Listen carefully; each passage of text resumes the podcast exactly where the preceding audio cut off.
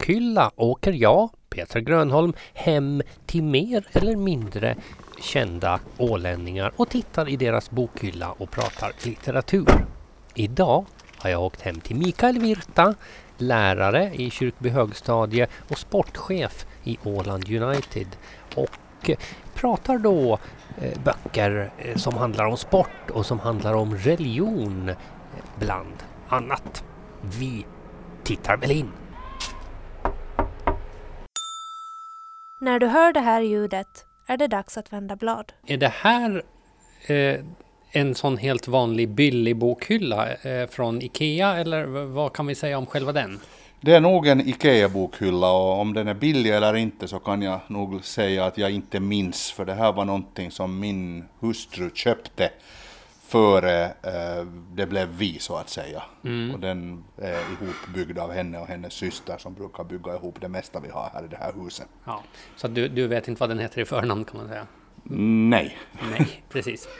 Uh, min nästa fråga uh, brukar vara hur sorterar du? Uh, I det här fallet är det kanske en fråga, sorterar du? Kanske? Egentligen inte, alltså nu som du ser här så är den ju väldigt, vad ska vi säga, när här uppe vid de övre hyllorna så ser det ju i alla fall inradat ut. Vi har två olika rader där och sen när vi kommer ner så är det mesta bara inkastat och det beror på att vi har en eh, ettåring som eh, hade åtminstone en period här för en liten tid sedan då hon brukar riva ut allting och då fick man ju försöka rädda det och sätta upp allt vad man kan. Så just nu så är det väl ingen sortering. Jag kan ju väl säga att vi hade faktiskt, det höll på att bli en stor, stor kris eh, för mig personligen när min hustru föreslog att vi skulle sortera enligt färg. Oj! Och för mig är ju böcker liksom, det är ju innehållet som det är mm. frågan om. Så jag höll ju på att få en stor existentiell kris där i den frågan. Så som du ser så har vi nog inte sorterat enligt varken färg eller innehåll för tillfället. Men de, det är en hylla och en bok och då sätter man den i hyllan helt enkelt. Ja. Uh det, jag tänker, du som, som sportchef i Åland United och eh, ja, erkänd fotbollsnörd får man väl säga. Så att det jag hade förväntat mig är, är fotbollsböcker och jag är, har inte blivit besviken på den lilla titt. Eh, vi har väl, om vi tar den som är inom räckhåll, eh, David Beckhams eh, självbiografi. En av mm. dem. En av dem, jo det här är väl en av de där tidigare, My Side. Eh, den är på engelska faktiskt. Och, och det där, eh, ja det är som du ser, det är David, David Beckhams, eh, från vilken år den här nu månne kan vara då. Men det är en sån här klassisk. Det här är väl från, jag tror att den slutar med att han kom till Real Madrid ungefär, för att jag vill minnas att det, det berättas där om i, i, i flygplanen, när David Beckham tittade omkring sig och var så fascinerad att han var omgiven av världsstjärnor. det var lite roligt faktiskt. Det, det låter nästan det som att det är till, tillrättalagt av, av medförfattaren. Kanske det. vi, vi, vi, kan väl nästan utgå ifrån att han inte skrivit den helt själv i alla fall. Ja. Eh, men fotbollsbiografier vet jag att vi har pratat om i ett tidigare eh, avsnitt också av min bokhylla och eh, att de ibland kan vara väldigt intetsägande. Det, där skulle jag kanske lägga just den här My Side-boken. Eh, jo, den är ju en sån här, man får ju en, en Okej, det är i och för sig väldigt detaljerat berättas det ju om hur han och Victoria blev ihop och vad vad eh, Ferguson tyckte om när han körde, på, körde mellan Manchester och London varje kväll och sådana här små trevliga historier fanns det. Annars så ges det ju nog en sån här, sån här väldigt rosenröd bild av honom som ung pojke och sen då hur han tog sig framåt och så vidare. Så det är väl sånt man vill läsa helt enkelt. Det är lite sån här feel good biografi om vi säger så. Mm. Eh, sen har vi nu ska vi se. Jag är Zlatan. Den hittar man faktiskt också i, i, i de bokhyllor där det bor icke fotbollsintresserade. Ja, det kan jag tänka. Ja, den har jag väl fått av någon kan jag tänka mig. Och, jo, den hör väl nog till... Nu, nu läs, läser man ju den när man får den och den är väl ganska intressant väl egentligen. Det är väl, det är väl Zlatan i all hans prakt helt enkelt, så som han själv vill att han framställs. För där tänker alltså till skillnad från, nu har jag inte läst David Beckhams, men om, om man kan ana att den inte är så, så innehållsrik så är ju däremot Jagar Zlatan, den är ju desto, desto mer alltså intressantare på många sätt. Ja, på sätt och vis, men jag skulle inte helt döma ut eh, Beckhams innehåll heller. Det finns en hel del från eh, liksom, omklädningsrum och det finns en hel del från, från, från en massa liksom, vad vem har sagt och hur uh, managern har reagerat på det ena och det andra och så vidare. Så det finns en hel del bra grejer där också. Så jag skulle nog egentligen säga att Beckhams är kanske mera så här feel good och Zlatan är kanske mera realism. Men båda två innehåller nog ganska bra detaljer så att säga. Mm. Och vidare strax bredvid så hittar vi Sami Hypie.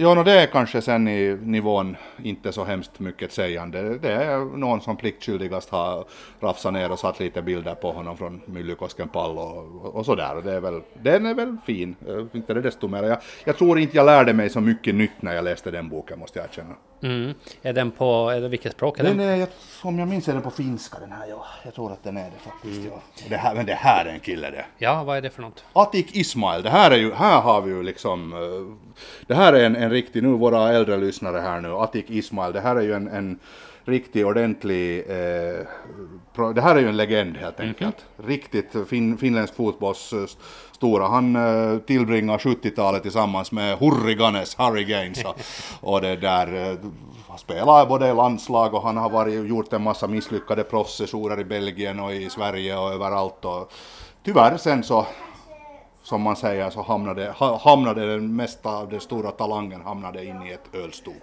Ja. Men numera så är han nykter och skriver dikter. Oj! Och har även producerat en uh, ligaspelare. Pele Koljonen faktiskt hans son. Observera förnamnet Pele. Ja. Men där har vi en, för det tänker jag vad gäller fotbollsspelare, eh, moderna fotbollsspelare framför allt, men även eh, igen då David Beckham, det var ju rätt väldigt skötsamma eh, spelare och, och Zlatan har ju också varit väldigt fokuserad på karriären. En sån som, som Atek Ismail, eh, han har kanske lite, eh, om, även om han slarvar bort mycket av karriären så har han desto fler historier att berätta. Massvis med historier och det är ju sån här nu en, en äldre, eh, vad ska vi säga, en, en äldre finländsk fotbollsnörd som får alltid tårar i ögonen när, när man pratar om Atik. Alltså det, det, det är sån här romantik på hög nivå alltså, riktig sån här rock'n'roll romantik. Ja, vad hittar vi mera för, eh, för fotbollsbiografier här då? Jag har nog sett någon, men Graham Souness, den gamla skolans brittiska fotbollsspelare. Jo, det här är från när han var tränare faktiskt. Det här, eh, ärligt talat, så jag har ju alltid jag kommer ihåg Sunes som en helt uh, duktig spelare och så vidare, men det här är A Manager's Diary och den här boken på engelska så bekräftade väldigt långt för mig att han faktiskt aldrig riktigt var någon av de stora managergenierna. För det han gjorde var att han köpte folk och han sålde folk och det är precis det den här boken handlar om. Extremt tråkig, där han går igenom vem han har köpt och vem han har sålt och vilken klubbpresident han har ätit middag med. Så den är faktiskt, jag rekommenderar den inte. Nej, precis. Men ja, förstås om man går, går, går igång på sånt som en annars så Ja. Eh, men inte bara fotbollsspelare gömmer sig här utan även tyckte jag mig se en höjdhoppare någonstans. Jag tyckte jag såg Patrik Sjöbergs Han är någonstans faktiskt, jo. Ja, jag såg han precis nyss. Jo, han är nog här någonstans, men var. Här ser vi lite om ordningen faktiskt i, i hyllan, måste jag erkänna.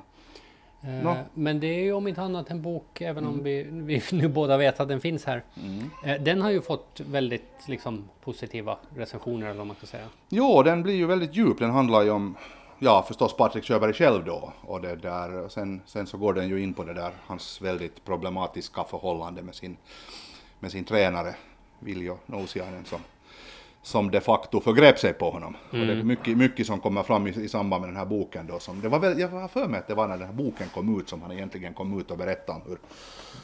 Där är den ja. Hur mycket hur mycket sånt här som hade hänt och mm. allt möjligt sånt här som hur Viljo Nausiainen ansåg, hade förklarat för honom att eh, pubeshår till exempel, när han var en ung tonåring, när det började komma så gör pubeshår gör prestationen för unga höjdhoppare sämre. Okay. Varvid Viljo själv rakade Patrik. Oho. Och sådana här grejer som man kanske mm. inte nu riktigt borde ta liksom på mm. familjetid, men, men i alla fall den här mm. typens berättelser som man faktiskt, jag måste erkänna att jag blev ganska tagen av den här boken. Ja, Det du inte såg heter den. För jag- ju längre jag tittar desto fler sportböcker hittar jag. Den här, den här är härlig. Vad är det för något? Eh, han är en finne, men han vill vara svensk. Okej, ja. Och så får han en, en kris och så blir det så vidare. Det är samma författare, Mika Nousiainen. Den här är en alldeles underbar grej. Det är en, det är en fictionroman som handlar om en pappa som tränar sin dotter att bli löpare. Okej. Och, och det, där kan man någonting om eh, finländsk eh, långdistanslöpning, eller överhuvudtaget långdistanslöpning från den tiden när jag var liten, så är den här en alldeles underbar bok. Eh, Det är en sån här, alltså den är ju, den är ju en satirisk fictionbok på det sättet, men det är, så, det är sån här att när de drar till med att pappan ska ta flickan med på höghöjdsläger till Afrika och köra bloddoping. och så vidare. Och det är allt möjligt. Här finns allt från Grete Weiss och här finns Pekka Vasala och Väätäinen finns här med och de pratar om en massa lopp som jag kommer ihåg att jag har sett när jag var liten. Ja. Och de är ju, ja, det är, Nå, jag vet inte, det är väl, jag går, jag går igång på den här typens böcker som liksom, eh, det är som att, man, det är som att jag skulle ha skrivit den om jag skulle kunna skriva lika bra. Ja. Låt säga så. Mm, I långa loppet hette den. Ja. Och om vi ännu bara tar lite fotboll så här är ju en sån här alldeles underbar när vi talar om romantiska böcker.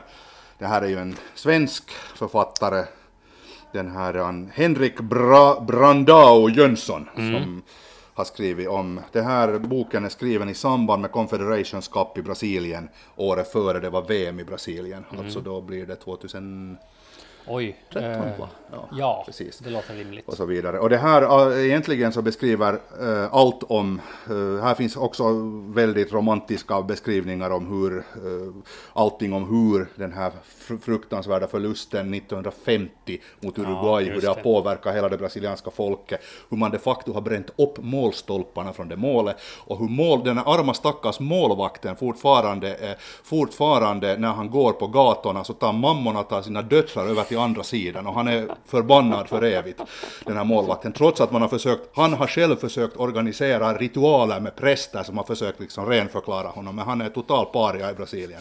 och, och, och sen går det vidare då till att berätta om Neymar som var den personen som fick öppna Pelés skåp. När Pelé slutade i Santos låstes hans skåp Oj. och Neymar fick öppna skåpet. Han var den första som fick, så det är sån här, ja no, som sagt, romantik på hög nivå för sådana Ja. som går igång på det här. Helt underbart. Grä- Gräset är alltid grönare i Brasilien, heter den. Du lyssnar på Min bokhylla med Mikael Virta. Nå, men om fotboll var en sak som jag hade förväntat mig att hitta så var, eh, vad ska vi säga, vad heter det då? Teologiska böcker var en annan och inte heller där har jag blivit besviken för jag ser till exempel historien om Jesus, eh, Thomas Cahill. Den här, är det här tror jag, den här kom säkert på 90-talet, jag tänkte säga den också. Ja, jag tror att den här fick jag i julklapp. Den här är faktiskt en bok jag brukar referera till i undervisningen. Jag ju, jag jobbar ju som lärare och bland annat undervisar i religion. Den här är faktiskt inte en teologisk bok, utan den här boken är, är faktiskt den här killen, uh, Cahill, eh, han är faktiskt språkforskare. Han är expert på antika språk. Och det han har gjort är att han har läst de här gamla eh, helt enkelt de här ursprungliga, så långt tillbaka i tiden man kommer, de här gamla bibelverserna. Ja. Och berättar vad där egentligen står och sen kan han gå igenom hur, man har, hur det har liksom utvecklats under olika översättningar. Ja. Grekerna till exempel är de som har, de, de, kunde, de kunde inte med de här gamla, här gamla prosaiska hebreiskan, så grekerna har ju gått och översatt Nya Testamentet till att ha blivit den där storstilade, vackra, fina vi är vana vid. Före det så var det väldigt eh, simpelt om vi säger så. Ja, Och det här är, en- ja, det är en väl, jag tyckte, jag tyckte och tycker att det var en väldigt intressant bok. mm.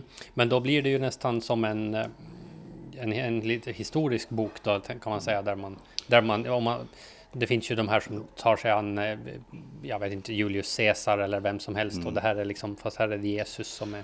Jo, det blir alltså det är ju Jesus eller egentligen många olika berättelser från Nya Testamentet som de var ursprungligen. Och sen försöker han ju då först, det är ju Nå, det här finns ju fotnoter som du ser, långa grejer och sådär. Men jag skulle ändå säga att det är mer sådär populärvetenskapligt. Han försöker ändå göra det att det är lite flashigt alltihopa. Men tillräckligt mycket för att man ska orka läsa det. Jag tycker den är ganska intressant. Ja, eh, en bok som i och för sig nog är, är väl skönlitterär men som ändå är lite, lite eh, får man ju säga. Nu var det faktiskt fel bok som jag sitter här för jag trodde det var Da- Da Vinci-koden jag såg men det här Den är finns, en annan. den finns nog här också. Ja, den, den behandlar ju en hel del Jesus och vad han hade för sig. Mm, jo, alltså åtminstone enligt, eh, enligt de här eh, apokryferna. Ja, Det är ju roligt, Da Vinci-koden är ju fantastisk på det sättet att han, Dan Brown gör ju, eh, spe, gör ju spekulationer till sanning. Och det allra roligaste var, vilket jag själv märkte i min profession, var att när den här boken kom ut i tiderna så var det människor som inte egentligen kunde bry sig mindre, som blev mitt i allt väldigt kritiska mot eh, kyrkan och kristendom som har ljugit för oss i alla år. Och när man nu riktigt sen ifrågasätter det så säger att, att så du menar alltså nu att du har bevis på att allting, allting som har lärts ut i 2000 år, eller förlåt med 1600 år, är lögn för att Dan Brown har nu skrivit en roman som bevisar det. Jo, sa folk. Så det, hatten av för Dan Brown, jag gillar hans böcker, här finns ju många till också och så vidare. Det, det kan man kalla action, de, de, de, de är sådana böcker att man kan inte, om man kommer till slutet på ett kapitel, så måste man bara se hur nästa börjar. Och sen måste man ju läsa det slut också, så det, det, kan bli, det kan bli så att man, det kan gå en natt där. ja. Eh, Men hur är det då som du undervisar väl i både religion och historia? Och samhällslära, jo. Ja, Ja. eh, och läsa en sån där bok då som, som ändå är liksom, eh, vad ska man säga, gjort någon slags kiosklitteratur av, av ditt yrke. Nej, det är väl inte av mitt yrke, det är ju helt fantastiskt egentligen. Jag tycker det är jätteroligt, för jag menar, där kommer ju fram sådana här frågor. Man kan ju fråga att hade Jesus en fru? Mm. Och svaret är att inte vet vi. Nej. Lyssna, läser vi de här apokryferna som Dan Brown har använt så hade han en fru. Läser man de officiella versioner som finns i Nya Testamentet så nämns det ingenting om det. Nej. Så vad vet jag? Hade han skägg? Troligen eftersom han, var, eftersom han var judisk sinnad och inte romare. Jag menar det är jätte, mycket spännande grejer som kommer fram och sen så får, får man en massa detaljer som man kan ta fast på. Så att ja, nej, jag tycker om sånt där. Ja. Men det tredje då som vi nämnde är ju, eh, historia, för det var, det var väl kanske det tredje, eh, att du ska ha historiska böcker och det hittar jag eh, kanske, har jag fått ögonen på fler tror jag än religionsböcker. Vi har bland annat Stalins general av Jeffrey Roberts. Ja, ja det, är en, det, var, det, det är en ganska tjock bok som handlar om den här Tjukov, den berömda generalen. Och det är nu en sån här det är nu en liten roman som, som vi ser är upp och ner eftersom någon har vänt på uppslaget här. Jag, började, jag tyckte just att den såg konstig ut men den var upp och ner. och det, där. Nu, det är en sån här typisk, eh, vad ska vi säga, biografi som någon populärhistoriker har försökt skriva om en berömd man och, och så vidare. Helt okej bok. Jag tror Ja. inte den gör någonting sämre av att läsa den heller. Nej, jag tyckte att jag såg någon till Stalin-bok här. Det är väl, där har vi han, Stalins hämnd. Det låter illavarslande. Jo, no det är mera, den här eh, handlar egentligen om, som det står, Röda armén i Tyskland 1944 till 45, alltså när eh, Röda armén som en del av allierade, alltså då befriade Tyskland så att säga, eller befriade de här ockuperade områdena och sen tog sig hela vägen till Berlin. Och den här boken tar ju upp att de var ju inte så snälla, Ah. utan eh, de betedde ju sig jag, kan, jag var ju inte där så jag kan inte säga vem som var värre, men det, Nej. blev, det blev åtminstone inte bättre för någon. Så Röda armén levde rövare på de områdena de hade befriat, så att säga. Ja. Och det är det den här boken handlar om. Ja, precis det. Men är man en smula historiskt intresserad så kanske det inte är som en, en jättestor överraskning att, att Stalins pojkar inte var helt riktiga lammungar. Nej, det tror jag att vi kan hålla med om, absolut. Hi- vad hittar vi mer i den genren då? Jag tycker att jag har sett, eller är det? Ja, andra världskrigets vändpunkt hittar vi Herman Lindqvist. Ju, nu vet jag faktiskt inte, den här heter Nyttan och nöjet. Ja, nej, den här är nog inte... Alltså jo, den är ju nog en historisk bok. Det är ju Herman, Herman Lindqvist som tycker om att, att skriva. Det här är väl från eh, just den här Nyttan och nöje så är väl... Alltså det handlar om Sverige då. Och den här eh, gamla tiden. Och det här har väl att göra med den här frihetstiden på 1700-talet och om eh, helt enkelt när det, när det börjar bli så där enväldigt och vackert. Ja. Så att säga. Eller inte riktigt, man kommer aldrig så långt. Men när det, när det börjar, när kungarna börjar bli kungar på riktigt helt enkelt. Så det är väl en sån bok och han, är ju, han skriver ju väldigt medryckande den här Lindqvist och det är roligt att läsa. Jag vet att det finns yrkeshistoriker som ofta fnyser åt honom att han, han förstör allt. Men å Ja. andra sidan så skapar han intresse och det kanske inte är att förstöra allt. Nej. Eh, flera boktitlar som till exempel Warszawas bödel sticker fram långt där inne. Det känns som att det kanske kan vara en, eh, en historisk eh, bok också om, ska vi gissa andra världskriget? Jo, kanske? det är absolut det och det är, nu är det ju när vi talar om, om Röda arméns hämnd så det var ju på den här killen de, de hämnades egentligen. Eh, Den här läste jag för väldigt länge sedan, men det är i alla fall, han handlar helt enkelt om, om eh, de här eh, deportationerna av eh, judiska och icke önskvärda befolkningen och, och hur, hur, de, hur de helt enkelt, hur det gick till och hur det organiserades och vart de hamnade och så vidare. Mm. Men av de historiska böcker vi har hittat så här långt så har ju alla utom en då handlat om andra världskriget. Och här har vi en som handlar om andra världskriget och fotboll. Nämen! Nu! Dödsmatchen! Oj, oj, oj! Och det här är en grej som också har, historiker har försökt förneka i alla tider. Det kan inte ha varit så, men det här är en bok som är skriven som handlar egentligen om hur det ukrainska, egentligen de är, de är fotbollsspelare som blev krigsfångar eh, i Ukraina och det där och hur de eh, för att eh, helt enkelt eh, eh, för att, för att hålla upp moralen eh, starta, starta de och, och höll i fångenskap igång ett fotbollslag och som sen ställdes mot Wehrmachtslag. Åh! Och de vann och legenden säger att, att eh, hela det vinnande laget avrättades fortfarande i sina spelardräkter. Och det är här som nu historikerna säger att hopp, hopp, hopp.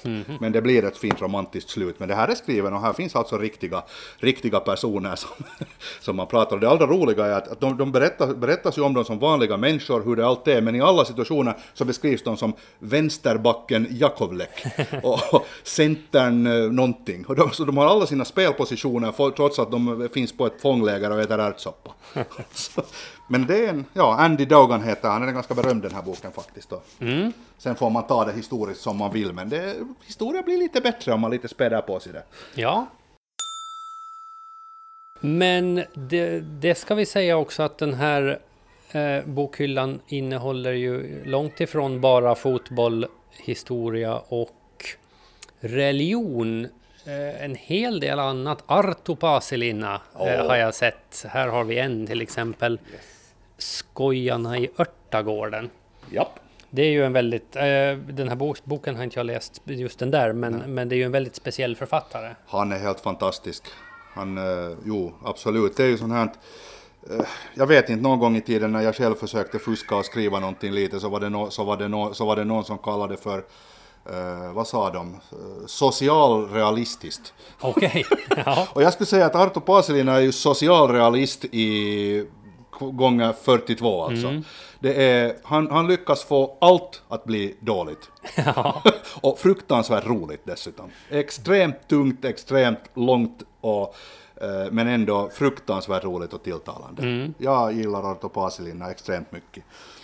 Och, och gärna historier sådär som, nu om jag kommer ihåg rätt så finns det en bok som heter Livet är kort, Rytk, Rytkönen lång.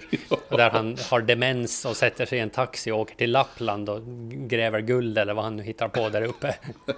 och, och så bara går de runt där och så händer- det inte så hemskt mycket. Nej, nej, men det är exakt det, eller kollektiv självmord. Ja, när de, som, de, de har massor, massor med människor som försöker begå självmord på olika platser, men sen tänkte de att om de skulle göra det tillsammans och så hyr de en buss och åker upp till Nordkap och, ska, Ja. och, och, och liksom har hyrt en busschaufför som bara ska kasta sig ur bussen. Men det hela slutar med att alla har funnit kärleken eller tycker att livet är roligt när de kommer upp, så den enda som sen begår självmord är busschauffören. ja. Och, och, Som kanske är lite allvarligt att skoja med så här, men när det är Arto Pasilina så passar det väldigt bra. ja. Och den, den klassiska scenen just vid Nordkap när bussen gasar mot stupet och någon trycker på stoppknappen i bussen. Så att det blir... Jo precis, det var ju då det var också. Ja. Ja. Absolut. Vad ska vi se vad vi mer hittar här då? Hans Roslings Factfulness. Ja, Det är ju också en... Ja, om, om, om Paselina eh, har väldigt dystra verkligheter så eh, beskriver väl Hans Roslingen i alla fall lite positivare tänker jag. Ja, väldigt mycket positivare. Den här har jag fått av mina svärföräldrar faktiskt. Jag vet inte. De tyckte det passade sa de, jag vet inte varför. Men, men det där, nej, den är ju väldigt intressant. Den tar ju egentligen upp just det här eh, ja, de som känner till Rosling så vet ju vad han stod för. Han är mm. ju salig Rosling, han dog väl för ett år sedan eller Ja, någonting sånt. Så det där, men han tar ju upp att allt inte är så illa som det verkar. Att nu i med våra sociala medier så tror vi ju att världen håller på att kollapsa och det är mera krig och folk dör hela tiden. Och han tar upp att så har det alltid varit. Ja. Och det faktiskt är bättre än tidigare. Mm ändå så har han ju den här skärpan nog att konstatera att det betyder ju inte att vi bara ska klappa varandra på axeln och säga att oj vad duktiga vi är, utan man måste ju såklart jobba för saken. Mm. Men att jo nej, den är väldigt intressant, det innehåller rikt, väldigt mycket, alltså helt enkelt riktigt klara och tydliga fakta. I början av boken finns en test också, en sån där som man kan säga att just sån här att, att har, uh, hur många flickor uh, i Afrika har det som vi skulle kalla grundskolning och så får man liksom gissa klassiska är ju att man tippar väldigt lågt och det visar mm. sig att nästan hälften. Okay. Eller var det rent av över hälften, nu kommer mm. jag inte ihåg hur det var. Men liksom det, allt, alla siffror som presenteras här, så, och som vill då fylla på, jag menar Hans Rosling äh, vet väl har, har väl någonting liksom att, att stå på så visar att de siffror som presenteras så är så betydligt mycket bättre än man liksom vill få fram i den här vanliga vulgärdebatten. Ja, Eh, sen ser jag en till här som jag blir nyfiken eftersom jag lite känner dig så undrar jag ju Handbok för hemmafixaren. Det är en julklapp av svärfar för några år sedan och mm. den är Ja, den är fin. Jag... jag ska se om ryggen var bruten på den så att den var öppnad. Men... Ja, den är satt i hyllan och jag har nog bläddrat i den och tittat att oj, oj, oj om man skulle kunna sånt där. Ja. ja, men den kanske kan vara praktisk om du måste laga något någon gång. Det är säkert så. Mm. Um, ja, är det något mer som vi ser som vi skulle borda?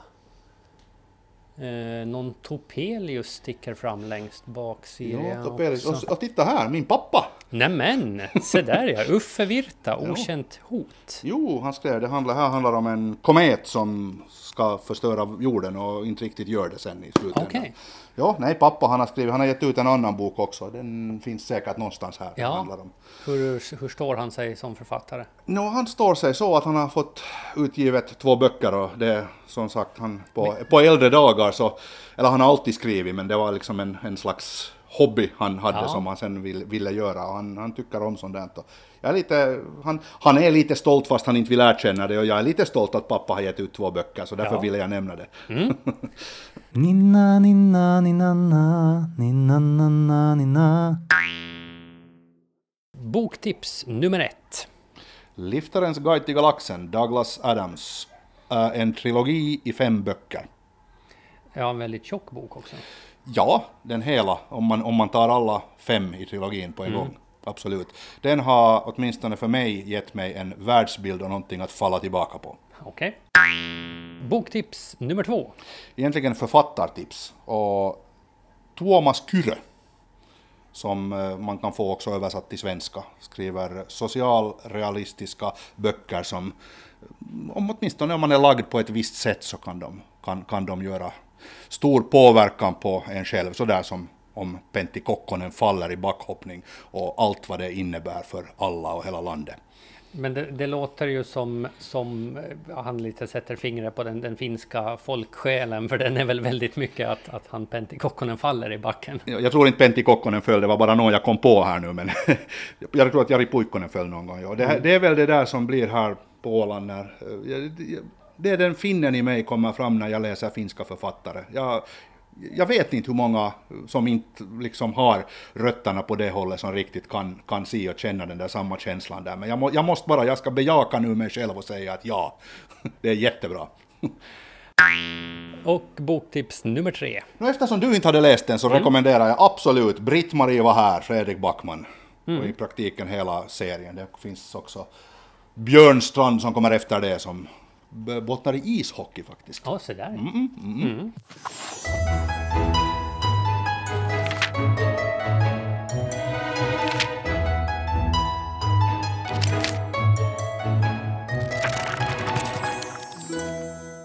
Du har lyssnat på Min bokhylla med mig, Peter Grönholm och dagens gäst, Mikael Virta.